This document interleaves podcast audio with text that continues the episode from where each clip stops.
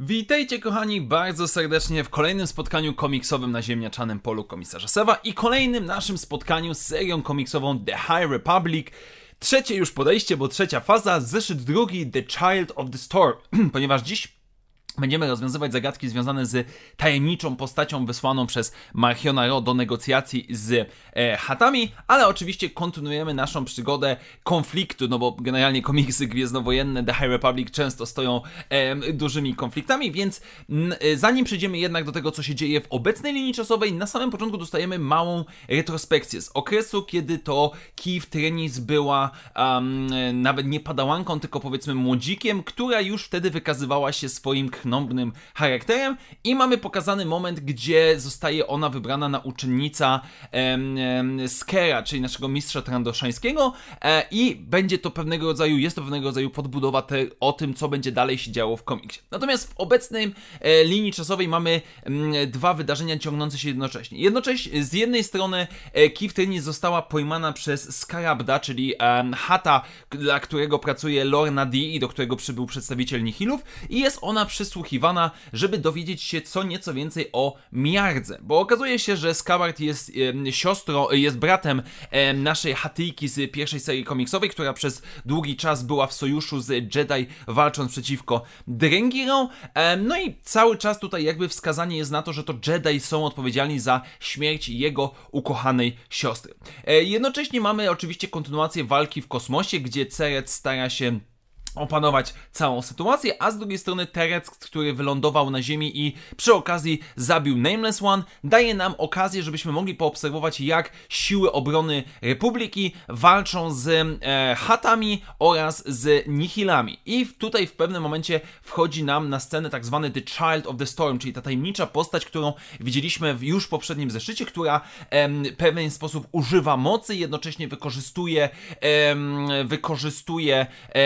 technologię, czy też powiedzmy biologię drengirów do walki. No i w trakcie całego tego oczywiście pojedynku em, cały czas powtarza to on, jacy to Jedi są źli i niedobrzy. No ale w pewnym momencie dochodzimy do momentu kluczowego podczas naszego przesłuchania, ponieważ em, nasz hat posiada osobnika, który potrafi czytać w umysłach, em, kiedy ktoś mu na to pozwoli, więc żeby opanować sytuację, Keith Trenis mówi, że śmiało zajrzyj do mojego umysłu i tam widzimy wspomnienia z pierwszej serii komiksowej, gdzie to tak naprawdę Lorna D zabiła e, Miargę, a nie Jedi. No i dochodzi do takiej typowej strzelaniny gangsterskiej, bo Lorna D zabija tego przesłuchującego, e, Hat strzela do Lorny D, potem zaczyna się konflikt z przedstawicielem Eye of the Nile, e, no i Lorna D, Lornie D udaje się uciec, ale Keith Trenis ratuje jednocześnie naszego Skarabda, przez co mamy kolejny sojusz między siłami e, Republiki a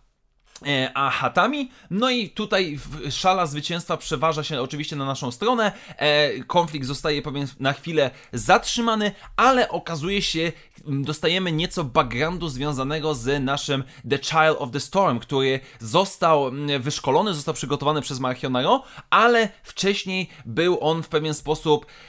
atakowany, czy był prześladowany przez tajemniczego rycerza Jedi, czyli kolejny rycerz Jedi, który znajduje się w tak zwanym Occlusion Zone, czyli w tej strefie zamkniętej przez Nihilów,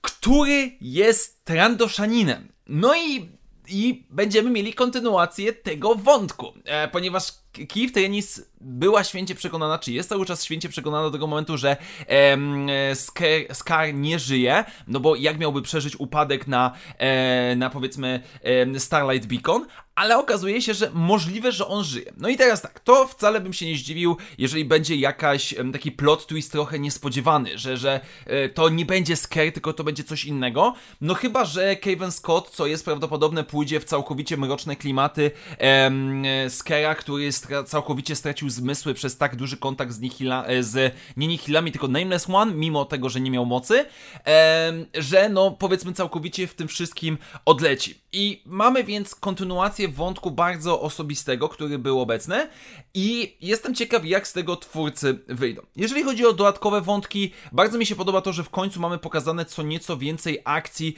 ze strony sił Republiki, tych takich naziemnych, które jak widać, kiedy udaje się im pokonać Nameless Nameless One e, z pomocą Jedi naprawdę mogą sporo zdziałać. E, kolejny sojusz z chatami jak najbardziej i, i to, że rzeczywiście em, tutaj Scarab jest sensownym em, gangsterem, jeśli tak to mogę nazwać, który szanuje e, pewnego rodzaju umowy, nakazy. No i mamy też pokazane, że Nihilowi nie udaje się, Nihilom nie udaje się mu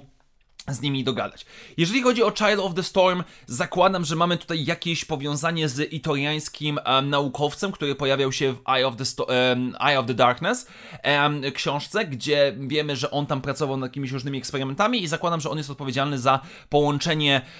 wojownika, mocy i drengirów w jedno. Natomiast jest trochę... Okej, muszę powiedzieć co nieco o kresce, bo za kreskę jest odpowiedzialny niejaki Jim Tove, dla którego to jest debiut. On już w poprzednim zeszycie tej serii komiksowej rysował, ale w Gwiezdnych Wojnach, z tego co patrzę, em, na razie był odpowiedzialny tylko i wyłącznie właśnie za The High Republic. Poza tym rysował różnego rodzaju Avengersy, e, inne rzeczy, powiedzmy, Marvelowe. I to jest tak, ta kreska nie jest